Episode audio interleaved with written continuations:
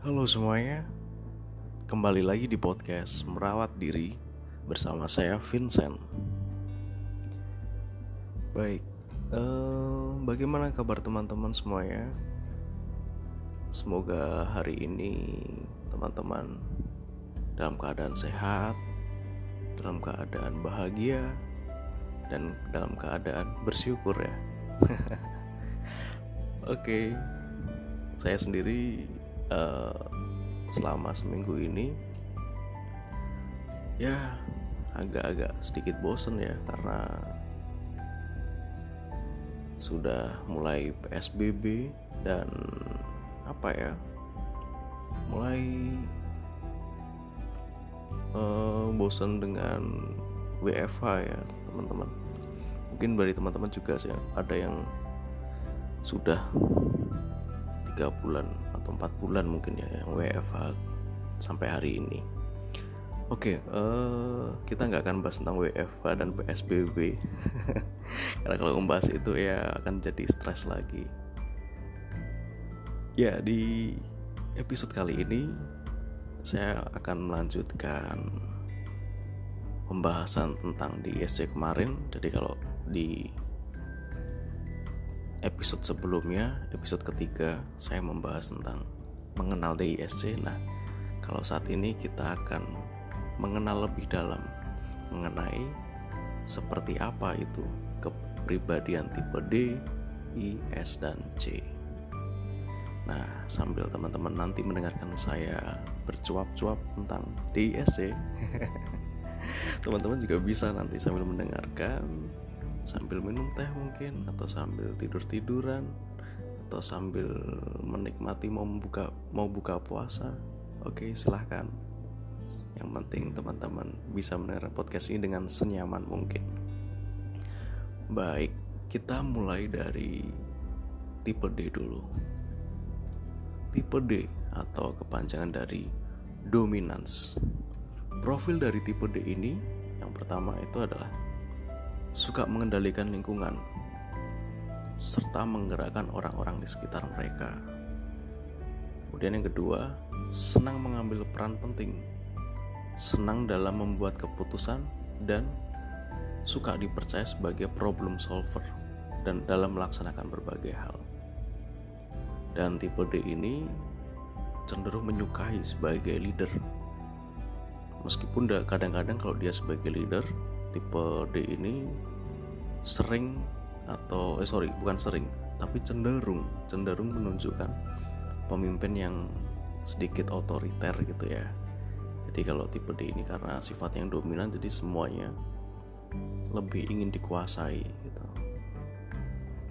Nah dari tipe D ini juga apa?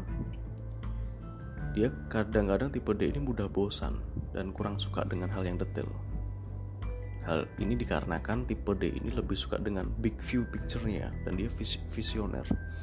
Jadi kalau dia dalam membuat konsep, dia akan membuat konsep besaran dari apa yang dia pikirkan. Jadi dia agak susah untuk melihat hal-hal yang detail. Nah, buat teman-teman yang kemarin tes dengan tipe D, mudah-mudahan semakin paham ya. Jadi tipe D itu Kurang lebih seperti itu karakteristik umumnya. Nah, kelebihan dari tipe D ini juga banyak teman-teman. Yang pertama, dia suka mengambil peran, kemudian berterus terang dan to, the point dalam meng, apa ya dalam hal diskusi. Dan tipe D ini berani dalam mengambil risiko. Kemudian memiliki sikap yang keras, jadi berkemauan keras dan cenderung kompetitif. Jadi kalau teman-teman yang punya teman yang sedikit-sedikit melihat sedikit tersaingi, terus kemudian dia melihat temannya uh, berhasil, ya ingin ber, berusaha sekuat mungkin untuk berhasil juga. Nah, ini kurang lebih indikasi dari tipe D. Kemudian tips bagi kita yang bukan orang D tapi menghadapi tipe D ini seperti apa? Nah ini saya akan membagikan.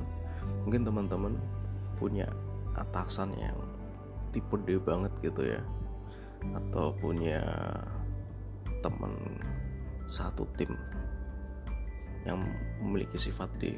Saya akan berikan tips menghadapi pribadi yang dominans itu yang pertama jangan mengatur pembicaraan mereka. Nah jadi kalau dari tipe D sorry kalau kita menghadapi orang yang dominans ini jangan kita yang mengatur. Biarlah dia yang mengatur. Maksudnya kita dengarkan dulu mengalir gitu. Kemudian ikuti dan cari kesempatan.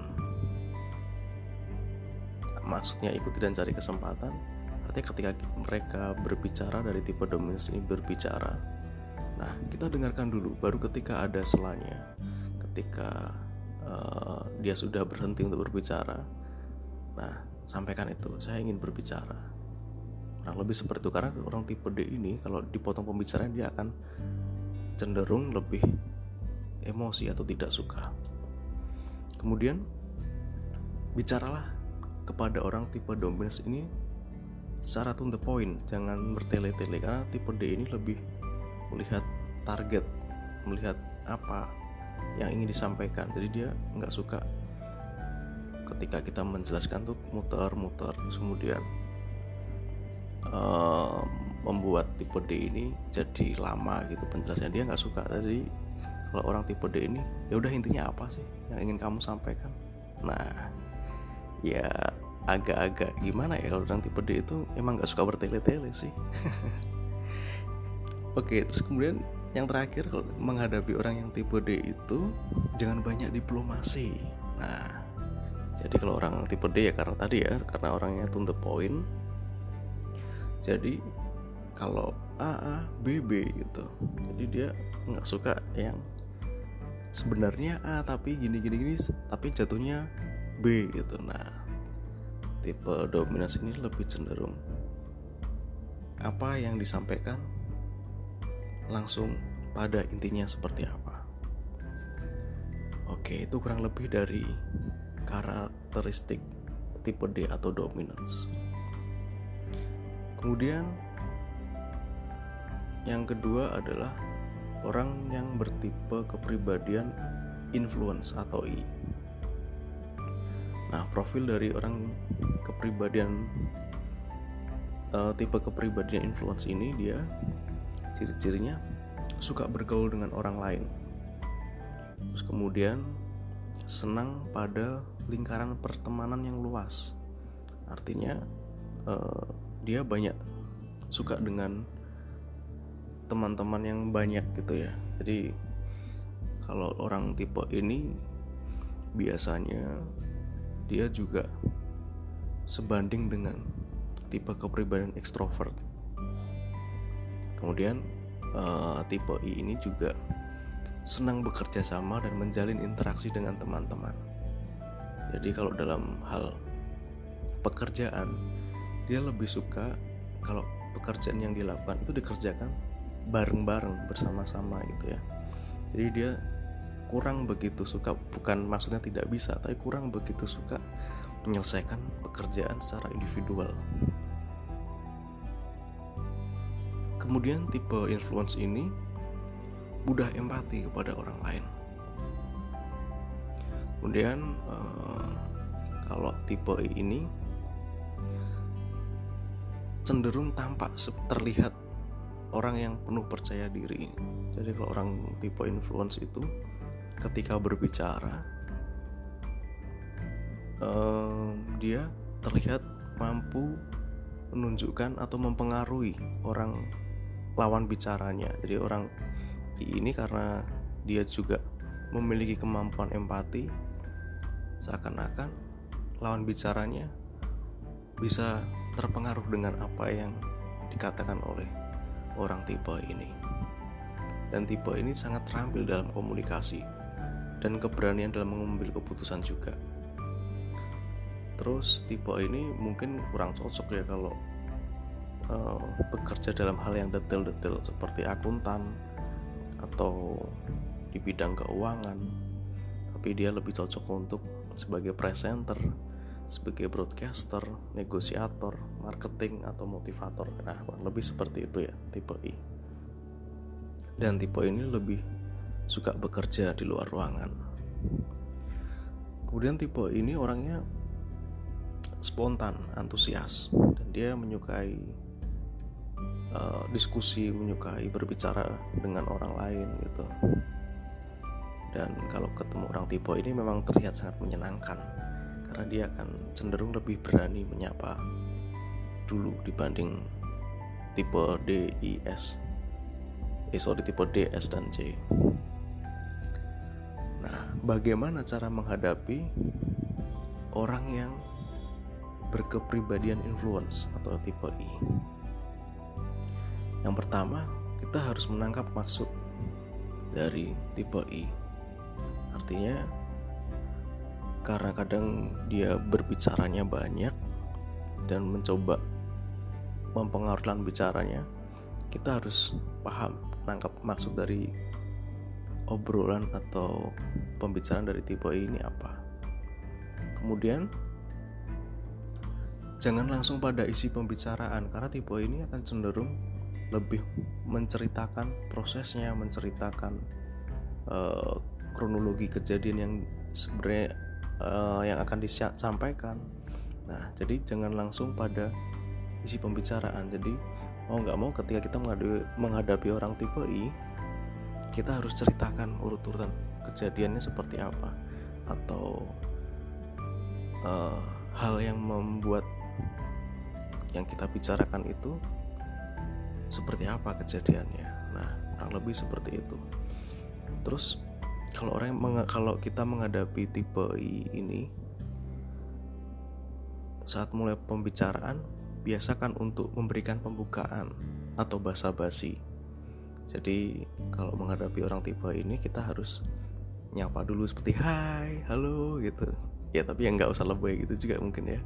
Tapi ya berikan uh, prolog dulu lah kepada orang tipe ini. Misalnya gimana kabarnya? gitu. Sudah makan belum? atau apalah gitu. Yang intinya membuat orang tipe ini dibikin nyaman dulu. Jadi lang jangan langsung to the point. Nah ini agak berbeda dengan tipe D kita harus berikan prolog dulu. Jadi ketika suasana sudah nyaman baru kita sampaikan maksud dan tujuannya apa. Nah itu kurang lebih dari penjelasan tipe I atau influence. Selanjutnya, orang yang bertipe kepribadian S atau steadiness. Orang yang berkepribadian steadiness ini orang yang menyukai keteraturan dan melakukan sesuatu dengan sistematis dan prosedural. Nah, karena orang yang bertipe S ini suka hal yang teratur dan regulasi, dan apa sangat prosedural. Jadi orang tipe S ini cenderung lebih memiliki sifat atau sikap konsisten dengan lingkungan kerja yang stabil. Dan orang tipe S ini juga lebih menyukai lingkungan kerja yang harmonis. Terus orang tipe S ini juga terlihat memiliki loyalitas yang cukup tinggi. Jadi kalau orang dari tipe S ini dia memang tidak menyukai perubahan yang mendadak gitu. Jadi sesuai, segala sesuatunya berjalan sesuai prosedural, sistematis gitu. Kemudian jika ia berada pada situasi yang menuntut dia perubahan yang cepat atau apa ya ada konflik pergolakan gitu dari hal yang biasanya sistematis teratur. Nah, orang tipe S ini akan cenderung merasa nggak nyaman dengan perubahan yang cepat dan apa namanya uh, ketika menghadapi kondisi yang abnormal itu orang tipe S cenderung akan susah beradaptasi. Jadi kalau dalam hal pekerjaan orang tipe S ini uh, akan cocok dengan pekerjaan yang bersifat administrasi terus apa namanya hal-hal yang menuntut suatu pekerjaan yang dengan sistematis dan prosedur gitu. Nah, itu kurang lebih gambaran umum dari tipe S. Dan tips bagaimana menghadapi orang yang bertipe S? Yang pertama, jangan menunjukkan konfrontasi. Gitu. Terus kemudian yang kedua, uh, tunjukkan pengertian. Artinya orang tipe S ini karena dia tidak suka hal yang konfrontasi. Jadi sejauh mungkin bagaimana kita menyamakan dulu persepsi kita dengan orang yang uh, yang kita hadapi yang tipe S ini. Terus dalam pembicaraan kita harus apa ya mengarahkan pembicaraan itu secara fokus hindari pembicaraan yang tidak terarah karena cenderung orang tipe S ini kurang suka dengan pembicaraan yang tidak terarah jadi hampir sama ya tadi ya dengan tipe D tadi itu untuk poin nah tipe S ini juga kecenderungan sama aja lebih suka yang terarah langsung fokus kemudian dalam hal pengambilan keputusan orang tipe S ini tidak suka dengan keputusan yang melibatkan sebagian pihak. Jadi harus keputusan diambil dengan cara bersama-sama. Karena apa?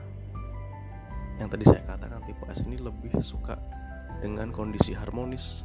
Jadi semuanya yang diputuskan dalam sebuah tim itu orang tipe S harus benar-benar mengambil keputusan dari pendapat timnya.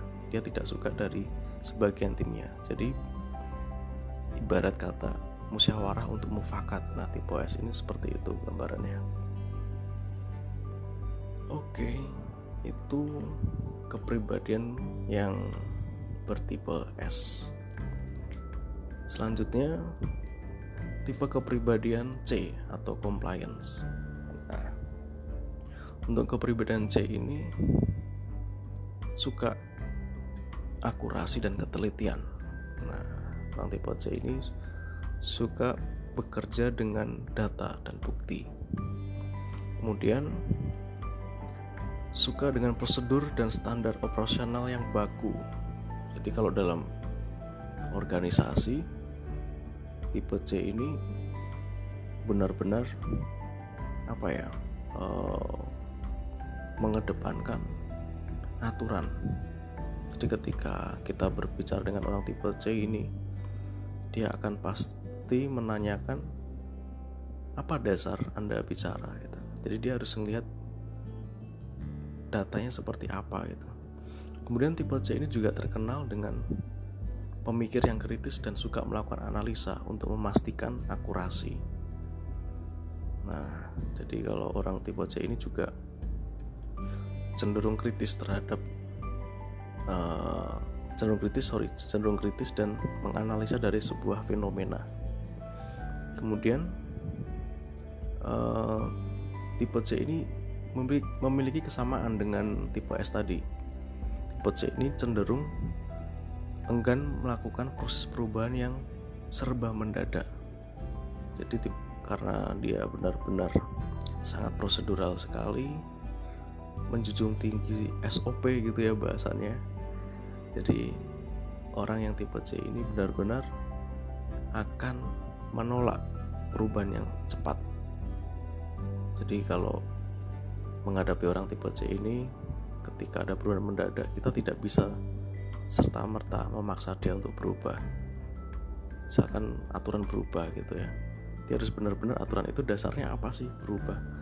Benar-benar sampai uh, analisanya itu tepat baru dia bisa mengikuti dan tipe C ini akan tercenderung terlihat perfeksionis jadi dia ingin mengharapkan sempurna semuanya dari apa yang dia kerjakan atau orang lain kerjakan nah karena sifatnya suka hal yang detail dan akurasi yang tinggi gitu ya uh, pekerjaan yang cocok untuk tipe C ini sebagai auditor sebagai pengawas nah, atau di bagian keuangan akuntan gitu ya sangat cocok sekali untuk orang tipe C. Lalu eh, bagaimana kita menghadapi orang tipe C? Karena tipe C ini orangnya sangat berdasarkan data dan bukti gitu dan analisa. Dan apa namanya uh, harus ada hal yang mendasar. Maka kalau kita menghadapi orang tipe C harus akurat ada buktinya dengan menunjukkan fakta. Dan jangan hiperbola kalau menghadapi orang tipe C. Dan dia akan mudah tersinggung kalau mereka kalau uh, kita menghadapinya hiperbola gitu. Terus kalau menghadapi orang tipe C juga kita harus membicarakan secara detail dan sistematis. Karena tipe C tidak suka kalau kita menyampaikannya melompat-lompat. Kalau tidak urut itu dia tidak suka. Terus tipe kalau kita menghadapi orang tipe C ini harus apa ya benar-benar ada buktinya jangan omong kosong. Karena kalau kita menyampaikannya terus ternyata apa sebenarnya hanya menyampaikan tanpa ada bukti ya kita akan tidak dianggap sama orang tipe C ini. Nah kurang lebih seperti itu. Uh, gambaran kepribadian dari tipe D, I, S, dan C. Memang semua kepribadian ini banyak banyak kekurangan dan kelebihannya. Ada apa ya ada kekuatannya juga dan ada kelemahannya juga. Tapi dari kepribadian ini tidak ada yang bagus. Semuanya harus berkolaborasi. Makanya ketika kita tes kadang ada yang kepribadian C, D atau CS atau DI nah macam-macam karena pada hakikatnya kepribadian adalah topeng jadi kita bisa menggunakan kita bisa memakai topeng D, I, S atau C sesuai dengan kondisi yang kita hadapi. Nah, kurang lebih seperti itu pembahasan saya hari ini mengenai D, I, S, C. Semoga bermanfaat buat teman-teman yang mendengarkannya. Dan akhir kata, jangan lupa bahagia. Terima kasih.